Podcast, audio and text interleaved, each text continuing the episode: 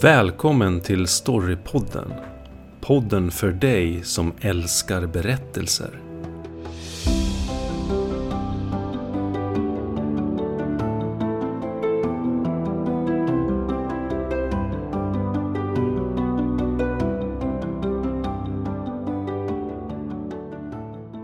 Allihopa och välkomna till dagens avsnitt av Storypodden. Idag ska vi prata om alternativa dramaturgier, alternativa dramaturgiska modeller och berättarstrukturer. Och eh, vi har ju tidigare pratat om det här med dramaturgi i olika avsnitt. Vi har pratat om Hollywoodmallen, hur man i den amerikanska filmindustrin ofta formar en berättelse. Och vi har också pratat om eh, hjältens resa och myter och Joseph Campbells mytteorier och pratat om Star Wars och George Lucas.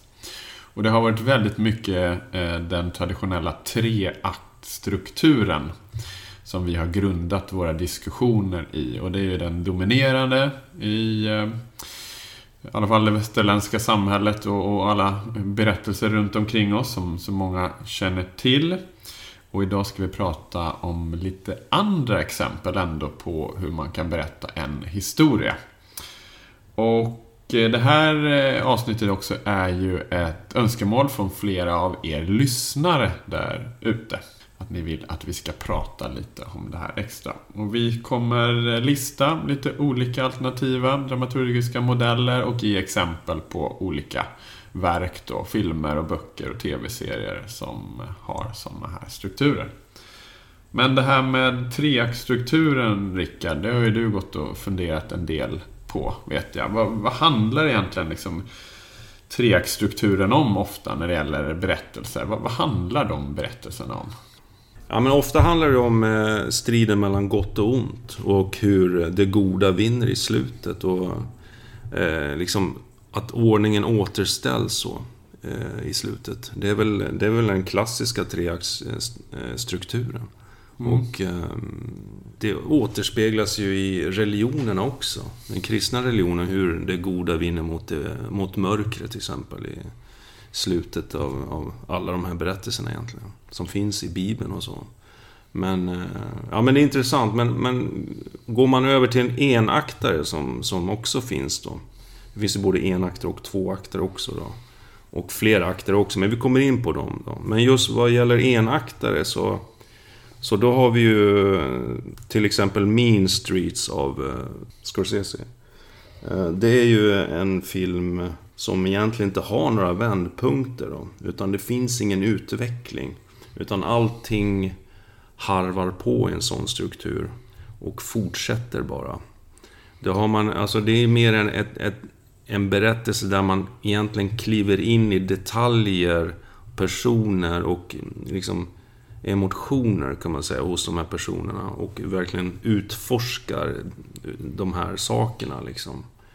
Och kanske mycket mer filosofiskt på något sätt. Ja, du har Ja, nej, men ja, eh, det är ju intressant där. För när jag minns tillbaka på den filmen. Det var länge sedan jag såg den nu. Den är från början av 70-talet. Och det är väl Scorseses genombrottsfilm. Det är väl eh, Robert De Niro som vanligt och Harvey Keitel tror jag spelar ja. huvudkaraktären. Ja. Och Robert De Niro spelar en sån här riktig eh, slashas, Johnny Boy eller vad han nu kallas för som aldrig får någonting mm. gjort på ett mm. rätt sätt liksom. Och, och, och, Harvey Keitel har liksom problem med honom och tvingas handskas med honom mm. hela tiden. Och det är som du säger, att det bara liksom återupprepas. Han får aldrig tag på mm. honom. Han får inte ordning på det. Och sen ska han själv då leva i den här ganska tuffa miljön i, i uh, New Yorks 70-tal eh, med allt vad det innebär. Mm. Och restaurang och pubmiljö och unga människor och, och relationer och festligheter. Mm. Och, och, och, det beskriver väl ett visst limbo kan man säga. Ja. I, i, I ens uh, existens på något sätt. Det blir ju en studie då i ett klipp ur en verklighet på något sätt. Ja. Och när då treaktstrukturen mer har den här krisen och utvecklingen med att krisen då får en upplösning, får en lösning. Så i enakten så rullar det bara på. Det liksom... Ja. Och det gör ju att den kanske inte är lika kommersiellt gångbar. Då. Nej. Men likväl väldigt fascinerande om man får till det. Ja. Det måste jag säga. Men eh, jag har inte sett så många filmer eller, eller berättelser som är en aktare bara. Faktiskt. Nej, man kanske känner igen det också från teatervärlden. Kan det ju vara enaktare av bla bla bla. Ja, Lars ja. Loreen. Ja. Ofta är det kanske lite kortare Ja. eh, berättelser också, men... Bara, det är ett, Det är ja, förlåt. Det är, bara ett titt in, ett litet tittål in kan det vara. Va? I, i, I någon Mm. berättelse som blir en enaktare. Sådär. mm, kortfilmer kan ju vara Ja. också. Visst. Eller noveller. Mm. Men det är som du säger, det är inte lika kommersiellt gångbart och det, det i och med att det då inte har den här kanske utvecklingskurvan, den här kronologin, den här linjära rörelsen och den här berg och dalbanan och dynamiken som, som engagerar ofta publiken eller läsaren eller tittaren så blir den liksom inte lika spännande och kommersiellt gångbar och då satsar man inte på den heller utan då eh, satsar man på de här eh, berg och dalbaneberättelserna. Absolut, men det är ju lite synd. Jag, jag gillar ju noveller väldigt mycket, men det är ju inte så mycket som finns egentligen. Det finns ju en del, men alltså förstår du, det är inte det som säljs mest av och det... De kommer nog inte fram i den eh, utsträckningen som, som romaner gör, alltså som treaktsromaner om man säger så. Då. Absolut, det, det finns säkerligen många fantastiska noveller där ute och vi har skrivit lite om det på sociala medier och sådär med Raymond Carver och sånt där. Han var ju en mästare på det, den amerikanska författaren. Men kommer ihåg att jag hade någon diskussion just med någon av våra lyssnare på, på, på sociala medier som eh, hon berättade om liksom just, just eh, att det är väldigt tufft om man är Ja, novell, eh, novellförfattare och vill komma ut med sina egna berättelser. Ja. Både globalt sett men i Sverige också. Men vad, vad hette hon som fick Nobelpris för några år sedan? Alice Munro där va? Ja, just det. Fantastisk, fantastiska noveller. liksom. Fantastiska noveller. De är ju jätte, jättebra. Ja, men eh, vi går över till tvåaktare då. Mm, vad är det? Eh, tvåaktare har då, som det säger, alltså bara två akter då med en vändpunkt i mitten. Och det är oftast... Eh, ja, jag vet inte. Alltså, man har ju inte heller sett så många. Oftast är det väl inom pjäser, alltså inom teaterns värld som är ganska vanligt då. De här gamla tragedierna till exempel. Det är ju oftast tvåaktare. Man har alltså, man har kanske ett eh, första delen av, av pjäsen eller filmen eller berättelsen ska vi säga. Då, är ju oftast kanske ett, man målar upp en riktigt bra, liksom, ja, ett bra liv och sådär. Och allting är bra, man har kul och, och kanske kärlek och allt vad det är. Och sen händer någonting i mitten av berättelsen som gör att allting liksom faller. Och eh, tragedin tar vid, så att säga. Men i filmens värld är det nog inte heller så vanligt, för att akter är inte... Alltså, ska man göra film som är kommersiell, det vill säga blir, och får en antagen överhuvudtaget, det manuset, så, så är det nästan tre akter, eller fler akter som gäller idag, tror jag. Ja, det är väl inom independent-miljön och branschen som man kan experimentera lite, lite mer då, om man lyckas få ihop och, och, och lite pengar för att göra en, en Ja. liten film. Liksom. Men, Ja. men de stora bolagen är säkerligen väldigt krassa med att eh, tillåta något annat än, än treaktare. Liksom. Mm. Ja.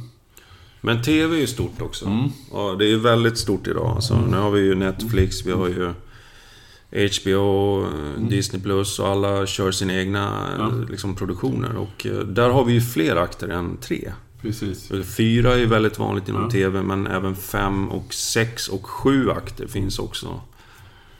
Och, Alltså problemet, ju fler akter det blir, desto...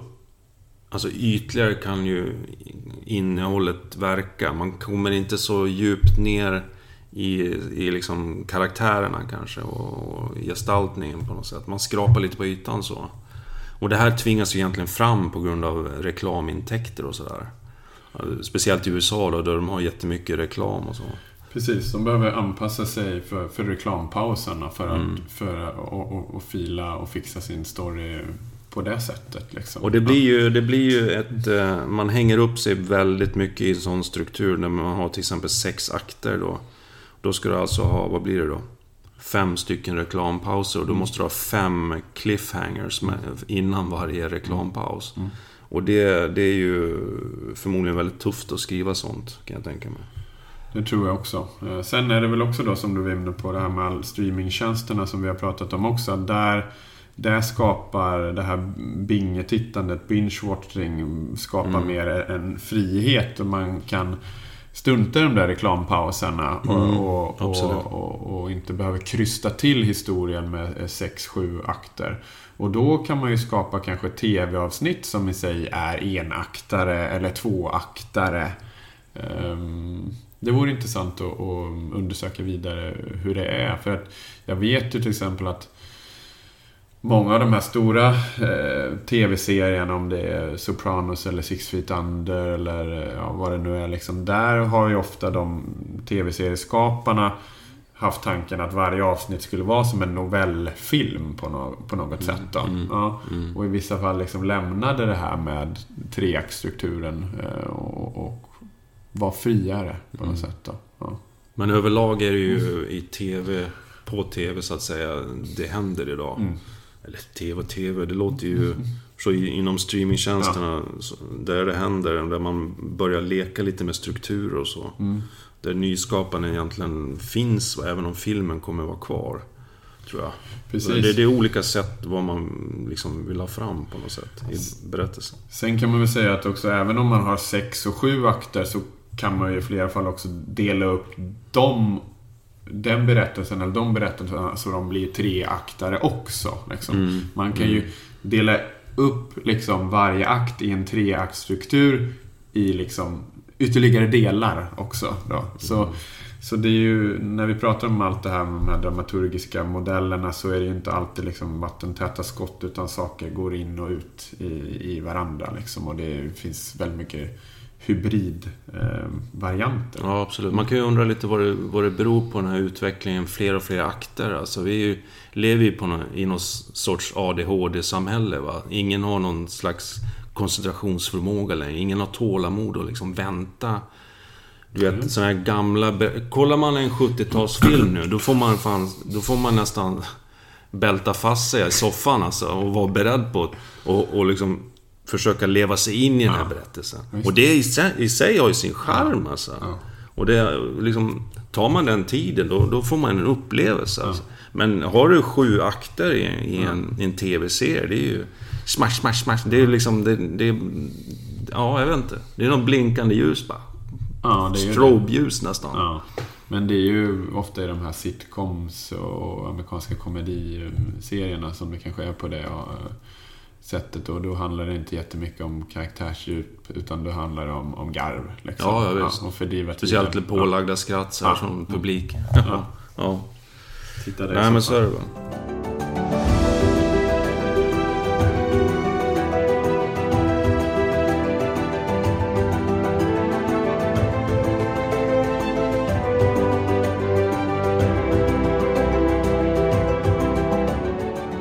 Man kan ju göra på andra sätt också. Parallella handlingar. Vad, vad tänker du på då?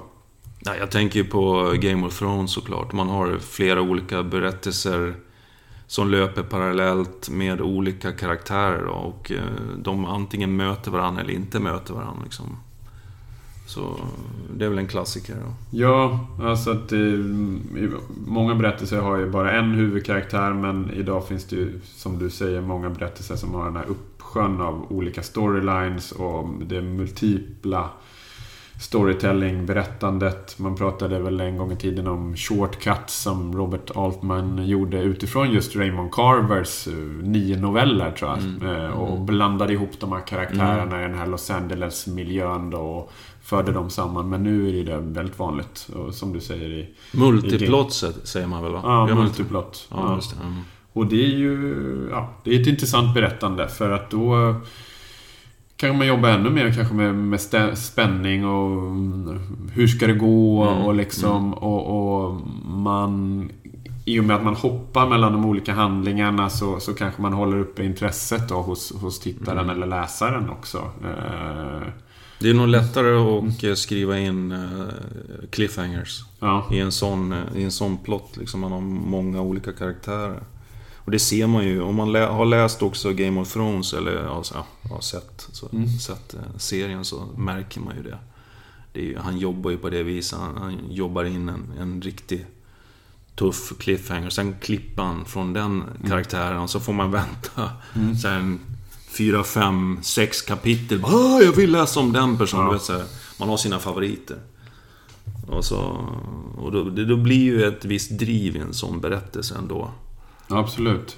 Ja, han, han är ju mästare där, eh, George R. R. Martin, när det gäller bokversionerna. Sen kan man väl då också ändå kanske kritisera just tv-versionen att det blir kanske... Ibland tappar man ändå bort de där karaktärerna om det har gått tre avsnitt emellan. Eller att de här storylinesen eh, för varje karaktär blir för tunna för att vi inte får tiden med dem. Så kan det också. vara. Så kan det vara. Mm. Men det är ju val, alltså det var ju snack om också med adaptationer här Mm. i säsong 1. Att det, det är ju val de måste göra liksom. Mm. Man kan ju inte få med allt från en roman liksom. Nej. Så är det ju. Men, ja, Det är en balansgång där helt enkelt. ja, det är det. Mm. Ehm, olika berättarmodeller använder sig av tidshopp och upprutna kronologier. Vi är ju väldigt vana vid just den här linjära strukturen då. Liksom, från A till B då. Eh, men eh, det är också väldigt vanligt just med det här med tidshopp då. Tillbakablickar, flashbacks. Ja, vi får se... Eh, ja, början av historien och sen helt plötsligt får vi se hur det var långt tidigare. Något minne eller något så. Ehm, det är ju väldigt vanligt. Eh, och att man jobbar med cliffhangers och man jobbar med frågor som ställs och vi vet inte riktigt varför han eller hon är på det sättet och så får vi en tillbakablick då. Men sen finns det också framåtblickar, flash forwards. Man kan hoppa framåt också. Eh, så man bryter upp den här A till B-strukturen då. Eh, det icke-linjära eh, inslagen då. För man in. Och där har vi ju... Ja men Pulp Fiction tänker ju många på kanske. Det är också parallella handlingar med upprutna kronologier. Som handlar om um, olika karaktärer som ni säkert känner till i, i Los Angeles. Det är ehm, hejdukar. Um, Travolta och Samuel L. Jackson och det är Bruce Willis uh, boxare bland annat. Och uh, när man har sett filmen så får man fundera lite. Hur hängde allt det här ihop då? För att liksom början av filmen Eh, inte kanske början och slutet är inte slutet. Utan han har totalt mixat ihop de här eh, storylinesen för att få ehm, eh, någonting större eller någonting, någonting mer. Ja. Och där är det ju ett eh, mästerverk i sig. Men personligen kan jag säga också att jag har blivit lite irriterad på det här med tillbakablickar också. För att det har använts och används väldigt flitigt, ibland utan effekt. Jag kommer ihåg när man läste manusutbildningar att det var mm, liksom... Men om du använder en flashback eller tillbakablick, den- den ska säga någonting. Det måste vara en framåtrörelse i, i själva tillbakablicken. Att du får ett svar som inte bara leder till dig tillbaka till liksom eh, kronologin igen, utan ytterligare ett steg. Och det där vet jag att det är väldigt många som inte gör, utan det är något litet tillbakablick där som man får. Något litet minne, men Ja, inget mer. Liksom. nej, det är en utfyllnad ofta. Ja. Jag, jag stör mig också på tillbakablicken när man använder det för att försöka sätta någon sorts spänning. Ja. Men man vet ju att det funkar ju inte. Det är som att visa en dröm på film. Helt, helt ointressant egentligen. Och det är ingen spänning i det för man vet ju att den personen kommer överleva och klara sig ändå. Liksom. Ja, nej, vi har svårt för det. Men det, det finns säkert eh, filmer eller berättelser där det funkar. Men överlag så tycker jag det funkar bättre i romaner än, än eh, film. Ja, och jag såg Unga kvinnor heter den. Eh, som har varit eh, prisbelönt och kritikerrosad. Som handlar om några systrar i, i USA och deras relationer och deras drömmar. Och de är konstnärssjälar och någon blir författare, någon vill bli konstnär. Och Eh, de bor med eh, sin mamma och pappa nu ute i kriget, tror jag, om det amerikanska inbördeskriget. Eh, och, och då har man, tror jag, säkerligen i bokformen använt sig av tillbakablickar på ett effektivt sätt. Men i filmen blir det bara det blir bara en enda röra och det blir sökta effekter. Då man liksom på något sätt blandar tillbakablickar med, med ordinär linjär kronologi, med framåtblickar. Sökta effekter för att liksom... Mm. Vad hände däremellan nu då? Hur kom det sig att hon blev så? Mm. Liksom, istället för att ha bara en A till B eller A till Ö historia som liksom skapar spänning. Hur ska det gå? Ja? Alltså, jag gillar inte det där när man får svaren för tidigt. Liksom. Ja, nej, jag har inte sett den så jag kan inte uttala mig om den. Alltså, men... Uh, ja, alltså, Överlag så, jag vet inte. Jag har lite svårt för det men det finns säkert uh, berättelser där det är okej. Okay, alltså. men, men vi har ju en annan uh, struktur också där vi... Där man berättar baklänges. Jag tänker på Memento specifikt då, som är skriven och regisserad av Christopher Nolan. Han som gjorde Batman-trilogin bland annat och... Uh, vad heter den? In... Vad heter den där? Inception. Inception, tack. Drömfilmen. Ja, det är ju... Memento är en film med Guy Pearce, eh, Carrie Ann Moss och Joe Pantoliano bland annat. Eh, det är en, två parallella historier då. Dels så får man följa handlingen eh, och den berättas i bakvänd ordning, i färg har jag för mig. Och sen har du alltså förloppet i kronologisk ordning i svartvitt eller hur det var. Jag kommer inte riktigt ihåg den för det var så länge sedan jag såg den. Alltså. Ja, det, det svartvita är liksom vanlig linjär kronologi, framåtrörelse. Det är en slags eh, intervju då han... Ja, just det. Eh, han berättar för någon om Eh, sitt, eh, sin problematik som är att han inte, inte har något eh, närtidsminne. Mm. Ja. Mm. Och sen får man se då, om man säger så, huvudstoryn baklänges berättad då. Som ju är någon form av detektivhistoria där han söker sin hustrus mördare. Då. Ja, han skriver mycket på sig själv, kommer jag ihåg. För att komma ihåg allt sånt där. Han skriver ledtrådar och allt vad det var. Ja, ja, men eh, det, det, är en eh, struktur som är lite intressant ändå, även om det kan ju bli sökt då. Men... Ja, nej men den är ju väldigt skicklig, eh, Memento. Det är en favoritfilm, verkligen. Och det är många säkert som känner, känner till den. Och den, får man till det så blir det ju väldigt spännande.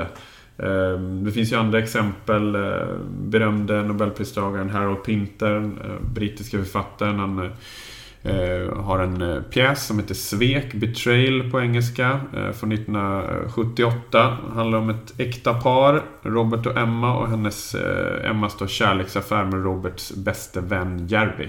Och den börjar med avslöjandet om kärleksaffären. Och så går handlingen liksom baklänges under cirka liksom ett decenniums tid. Då.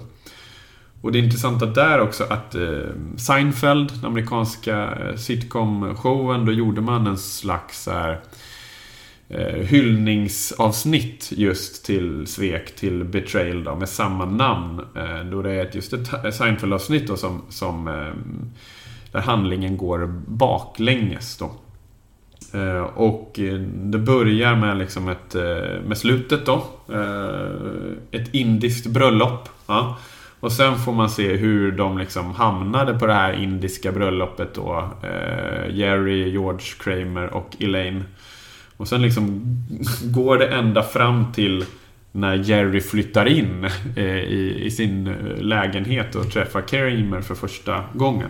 Och man leker också väldigt mycket med det här baklänges eh, berättandet. Kramer har en jättestor sån här eh, klubba som han har. Liksom, mm. Som bara då blir liksom... I början är den liten och sen blir den större och större. Eh, och sen är det ju fantastiska eh, scener genom hela det eh, avsnittet. Ett av mina absoluta favoritavsnitt när, när det gäller Seinfeld. Just Betrayal då, eller The Backwards Episode som man brukar prata om också. Mm. Jo, nej, vi har ju en annan dramaturgi som faktiskt är en av de få som vi har kommit på, i, modern tid. Och då tänker jag naturligtvis på såpoperan, liksom. Såporna. Kan du tänka dig att det är det vi ska liksom uppfinna? Ja. Alltså en dramaturgi som, en, som egentligen aldrig avslutar en scen, utan man klipper där det är som mest dramatiskt och mest ja, konflikter och då klipper man vidare till nästa scen med någon annan karaktär och de har också en konflikt och så bygger man på det här. Den här motorn som bara pumpar på och ingenting avslutas egentligen eller förklaras heller egentligen kanske. Utan det, ja, det kanske förklaras långt senare. Vad, vad det där handlade om och så, så drivs det på på det sättet. Men det är tydligen en av de få som jag... Ja, men det var väl just det här med eh, amerikanska hemmafruarna på 50-talet. Va? Då man skapade då Daytime TV. Ja. Och det skulle vara pågående hela tiden. Det skulle vara avsnitt om måndag till fredag. Och såpopera har att göra med just att det var väldigt mycket eh, reklam då som hade med Mm. liksom just Mm. hushållet eh, att göra.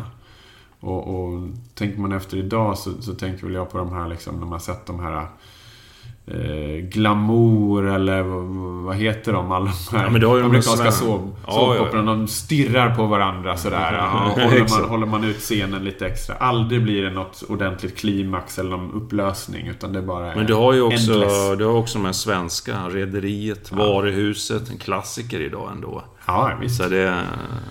Det var ju säkert också många manusförfattare som kom fram där. Det var en bra skola tror jag. Absolut. Jättebra skola. Såpopera-skolan Mm, liksom. Ja. Och vi kommer ju prata om manusförfattares roll lite senare. Så det kommer vi säkert tillbaka till. Ja, nej, men det är lite fascinerande Mm. såpopera. Och det har ju fått också ja, men dålig stämpel och sådär. Men det är ju Ja, men det går ju, ändå. går ju någon turkisk Ja. evighetsserie på SVT nu tror jag. Eller är Ja. det SVT? Ja, jag vet inte. Och sen Ja, ja. de här andra, Emmerdale och de här brittiska Ja, just det, just Det är bara pågående. Har hållit på i Ja. 30-40 år liksom. Så det är ju en bedrift i sig. att hålla igång eh, Verkligen. historien liksom. Och man kan ju undra över det där eh, rederiet, skeppet där, Freja där liksom. Att det, det sjönk aldrig.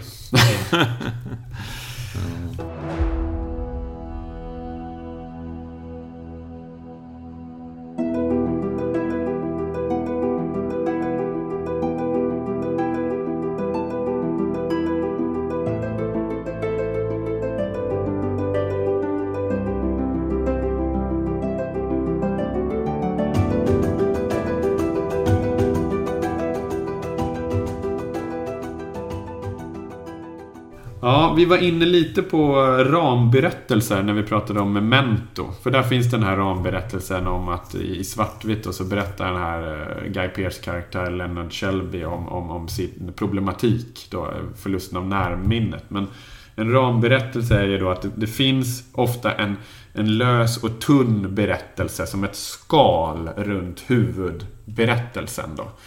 Och vi har tidigare pratat i säsong 1 om kärlekshistorier och då tog vi upp eh, broarna i Madison County som jag bespottade en, en hel del. eh, Just för att där finns det en ramberättelse då eh, huvudkaraktären Francesca, eh, spelad av Meryl Streep i filmen, eh, hennes dödsbo, hon har gått bort, tas om hand av hennes eh, son och dotter. Ja.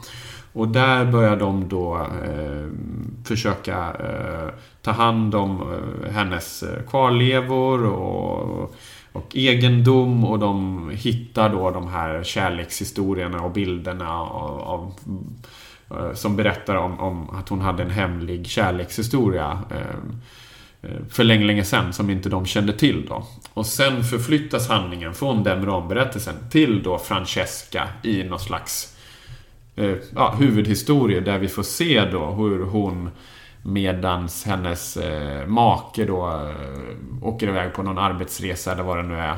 Eh, träffar, eh, i filmens fall då Clint Eastwoods karaktär och den här hemliga kärlekshistorien då kommer till skott då. Och sen slutar då, spoilers här, filmen och det är ju en roman också med att liksom att man går tillbaka till ramberättelsen till Francescas son och dotter och de liksom genom hennes öde så förstår de sin mor och de blir också sams efter att eh, förut har varit liksom lite sådär halvt eh, ovänner och, och och eh, ja, haft en fnurra mellan varandra. Så att liksom huvudstoryn då går in i, tillbaka in i, i ramberättelsen. Så ja, men det är ju ganska vanligt eh, Det här med ramberättelser. Och den är väl lite genre eh, specifik också. Kanske fantasy eller eh, crime och äventyrsfilmer kanske lite mer. Ja, så kan det vara. Det finns ju många äldre exempel där med Weathering Heights kärlekshistoria som vi pratat om, Svindlande höjder. Där har man ramberättelser där man har olika berättare som berättar huvudhistorien mm. till exempel. Då. Um, ja, mm. intressant. Um, vad har vi mer då? Uh, spelifiering, gamification, en interaktiv berättelse är någonting som uh, är väldigt populärt och bara växer i, idag och då pratar vi ofta om TV och uh, dataspel. där vi då inte alltid har en, ett, ett givet början och ett slut. Utan det skulle kunna finnas en början och flera slut. Ja. Du kanske spelar en, eh, ett tv-spel, en dataspel, du har en huvudkaraktär och den drar iväg på något äventyr. Men den kanske väljer olika dörrar att ta, den väljer olika eh, städer eller världar att besöka. Vilket kan leda till, till olika slags slut då, eh, eller uppgörelser, om man har byggt en sån berättarstruktur. Liksom. Sen kan det vara så att eh, man bygger olika möjligheter, olika vägar att gå. Men att de ändå sen i slutet liksom styrs in mot ett givet slut ändå då. Men det finns ju sådana upplevelser eh, när det gäller spelifiering och gamification som, som är liksom helt öppna, skulle man kunna mm, säga. Mm. Eller i vissa fall där man säger då att det inte finns något slut överhuvudtaget. Utan det handlar om dig, du är deltagare, du rör dig runt i någon mm. värld och vi får mm. se vad som, som händer dig. Alla de här liksom Sims-världar, um, alla upplevelser som har med virtual reality att göra. Jag har själv nu eh, sedan ett par veckor tillbaka såna Oculus-brillor så jag håller på att testa mm. de här mm. virtual reality-världarna. Mm. Och vissa av dem tar ju liksom inte slut. Liksom. Du skulle kunna gå runt där överallt. Så där är ju verkligen en uppbruten sån eh, kronologi. Då. Det är väl mer att man lever sig in i en värld på något sätt. Ja, och det är interaktivt. Liksom. Ja. Sökande, utforskande. Ja.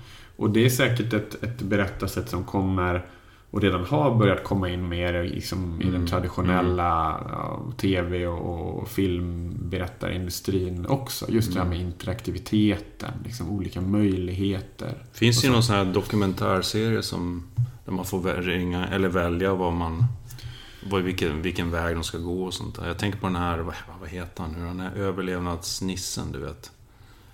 Vet du vilken jag menar? Nej. Han har ju någon sån här serie. Jag kommer inte ihåg vad han heter. Jag glömmer alltid namn alltså. Ja då. Men eh, en utveckling av spelifieringen då och interaktiva berättelser, det tänker på POV-berättelser eller första person. Det är också en, egentligen kanske inte en riktig egen struktur så, men ett, i alla fall ett berättarsätt så. Ofta så har man ju det som kanske kortare inslag i eh, filmer där man har en fight eller en flykt sådär. Man ska liksom betona den här intensiteten i scenen på något sätt. Eh, till exempel finns det ju i Terminator när han går runt och, och liksom... När Terminator går runt och liksom söker sina mål och grejer och du vet, eller... Mördarens blick. Ja, mördarens blick ofta, exakt. I skräckfilmer sen gamla, ja. Det är oftast vanligt. Någon som liksom kryper på någon eller smyger och sådär. De har ju Alien till exempel, Gravity. The Amazing Spider-Man gjorde ju någon sån där man nästan får följa Spider-Man som, som om man liksom kör, kör med en joystick där liksom. Ja. Eh, och sen finns det ju då hela filmer som utnyttjar det här. Till exempel eh, Blair Witch Project var väl den första, har jag för mig, som, som gjorde det. En av de första i alla fall. Eh, och sen har du då en Hardcore som jag såg för inte så länge sedan. En, en ren actionrulle som, som kör det greppet hela tiden. Dock kan det bli lite... Jag skulle nästan säga andfått faktiskt. Det greppet kan jag tycka, men... Det funkar ju bra ibland alltså, men... Eh, jag tänker också på såna här filmer som använder real time strukturer då. Alltså där man har en... Där filmen upplevs som en enda lång tagning. Och då, då tänkte jag speciellt på den här 1917, den här krigsfilmen som jag såg bara för någon månad sedan här. Där känns... Det är ju snyggt gjort alltså. Mm. Och där vill de ju ha den effekten att man får följa den här soldaten genom eh, första världskrigets skyttegravar. Hur han liksom... Jag kommer inte riktigt ihåg. Alltså han, han är ju... Ska ju hämta... eh, Hur fan var det? Han skulle, han får något uppdrag där, han och Ja. någon eh, kompanjon där, att de ska hämta någon och gå bakom linjerna. Just det. Ja, Han ska in... på eh, västfronten precis. där. Mm. Ja, det är ju snyggt gjort alltså. Och det är eh, intressant, för där tror jag också vi kommer få se fler sådana filmer. Ja. Det tror jag. Det kräver ju sin, sin, det kräver ju sin berättelse också. Det kräver en hel del av manusförfattarna också, och inte bara regissörer då. Men, men intressant. Just ett extremexempel där på både det här med real time, realtid och eh, first person. Liksom, eh, ryska filmen Arken som kom 2002. Det är en dramafilm då som är regisserad av Alexander Sokurov. Och den är inspelad i en enda lång tagning då. Utan klipp och redigering med en steadicam. Så du får känslan av att du går genom ett eh, slott då, och det är Vinterpalatset i Sankt Petersburg. Och du går genom liksom, den ryska historien och möter då olika liksom, karaktärer eller historiska eh, personer. Eh, och ehm, ja, jag menar, man kan bara tänka sig hur det var att spela in det där. Det var en två timmar lång tagning. Liksom, då allt måste sitta. Ja. Mm. Wow. Så vill man studera det liksom så här, ett mästerverk i, i filmteknik så, så är den eh, ett, ett väldigt bra exempel. Sen kanske liksom handlingen är väl ingenting som man kanske då hurrar jättemycket för då, men det är väl kanske inte huvudsyftet med den. Ja, alltså, regissör, regissören han tog nog en lång, eh, lång eh, ledighet efter den. Ja, gud, få ihop allt det där. ja. Och du har ju, du har ju just när det gäller just det här med real time och realtid till exempel Inaritus eh, mästerverk, eller i alla fall kritikerrosade Birdman med, med Michael Keaton. Eh, då han Mm.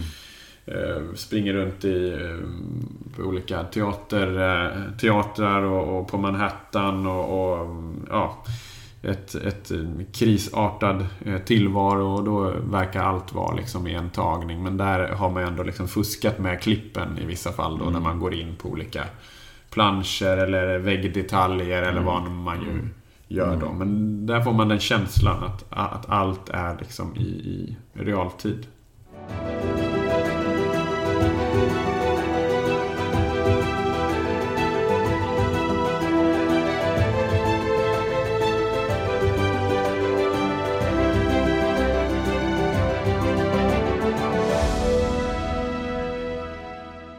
Vi har pratat en del nu om, om flera olika varianter. Ehm, ytterligare en som man brukar prata om det är cirkulär dramaturgi. Och eh, medans då eh, treaktstrukturen och den linjära och kronologiska berättelsen då har ett början och ett slut och så i den cirkulära strukturen, dramaturgi, där börjar kanske någonting och så går det mot ett slut men sen så fortsätter allt igen. Det är ett kretslopp helt enkelt då. Och vi har tidigare pratat om skapelsemyter i ett avsnitt från, eh, från säsong 1 och då tog vi upp drömtiden, dream time. Eh, aboriginernas eh, skapelsemyt i Australien då. Eh, där man brukar prata om då en, en, en evig skapelse som ständigt är, är pågående, som vi alla är en del utav då. Det börjar om och det är ständigt pågående hela tiden då.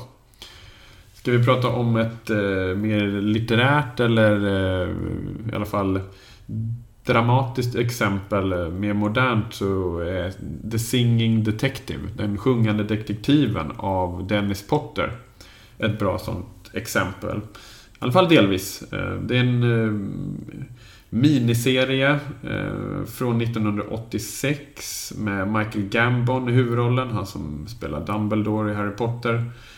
Och den regisserades då av John Amiel. Sex avsnitt. Och det handlar om författaren eh, Philip Marlowe. Då. Och han ligger på sjukhus på grund av svår psoriasis. Då, över hela kroppen. Så han kan knappt röra sig ibland. Då. Och eh, på grund av smärtan och den höga febern så tar han mediciner och får hallucinationer. Då. Och då byggs en fantasivärld upp där han liksom eh, Eh, blir eh, den här eh, Philip Marlowe som en riktig detektiv och deckare. Och det blir eh, en, en thrillerhistoria då. Samtidigt så vevas en annan historia som är hans barndomsminnen. Eh, som bland annat har att göra med eh, mammans, tror jag, självmord då.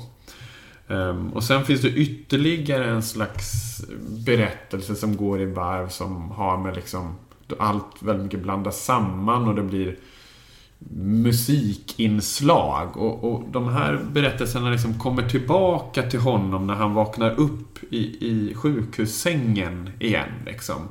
Och de börjar om på nytt, men de blir ofta förändrade. Det är någonting som har förändrats i de här berättelserna. Vi ser dem igen. Det är någon annan eh, skådespelare som har bytts eller det händer någonting som är inte likadant eller han minns på något annat sätt eller att han vill att handlingen ska gå på något annat sätt. Och så mm. går det liksom runt och runt på det, på det där sättet då. Alltså jag minns när den kom ut och jag mm. såg den då. Den var ju väldigt annorlunda. Skön stämning i den på något sätt. Den var, ja, den var bra, vad jag minns. Ja, den är jättespännande om man ja. verkligen är intresserad av det här med dramaturgi. Eh, mm. På något sätt så snurrar den runt till en kärna i mitten på något mm. sätt då. Ja. Ehm, ja, det är lustigt att man inte har gjort fler likadana. Liksom. Om man tänker på Memento. Den fick ju jättemånga efterapare. Men, mm. men den här strukturen är ju lite intressant alltså. Ja. Det är den ju. Men eh, jag har inte sett något annat dylikt. Nej, jag vet att det gjordes en film, amerikansk filmversion med Robert Downey Jr. Men den vart ju inte liksom lika lyckad. För man behöver nog några avsnitt på sig ja, för att berätta en sån ja. här historia. Um, jag vet själv också att, att Philip Marlowe, han pratade om också om att han såg väl att det här med fiktion, för honom var det ofta så att det kanske inte alltid fanns en upplösning. Det fanns mm. inget slut på det, utan liksom det var ständigt gående liksom. Det var nya ledtrådar som byggdes på, men det fanns inget, inget, inget svar alltid då. Mm. Vilket ju är, är intressant då. Ja, men om vi avrundar lite och sammanfattar här då, så har vi ju... Vad har vi för olika dramaturgier då? Vi har ju då enaktare, tvåaktare, treaktare och sen har vi de som är oftast inom TV då. Fyra, fem, sex och, och fler Just. akter. Vad har vi mer då?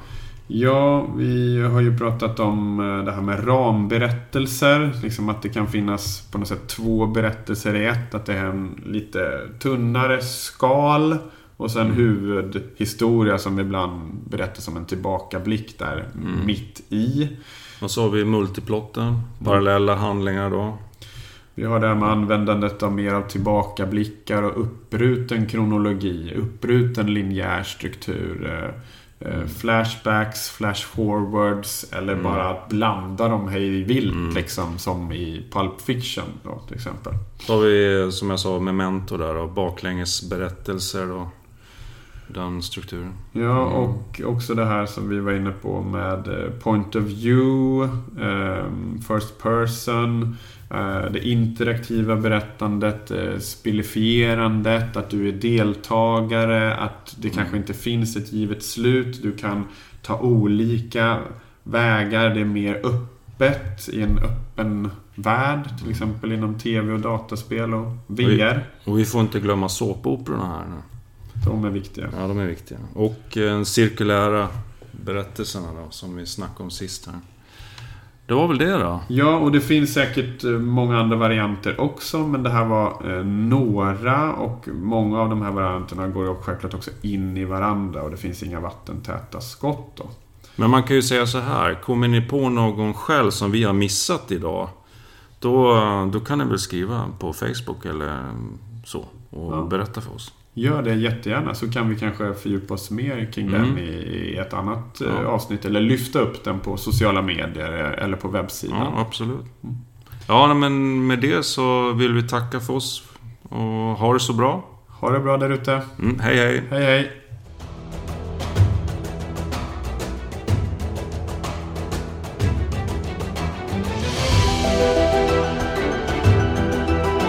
Du har lyssnat på Storypodden med Rickard Eklund och Olof Tiderman. Fler avsnitt, mer info och tips hittar du på www.storypodden.se. Vi finns även på sociala medier i form av Facebook, Twitter och Instagram.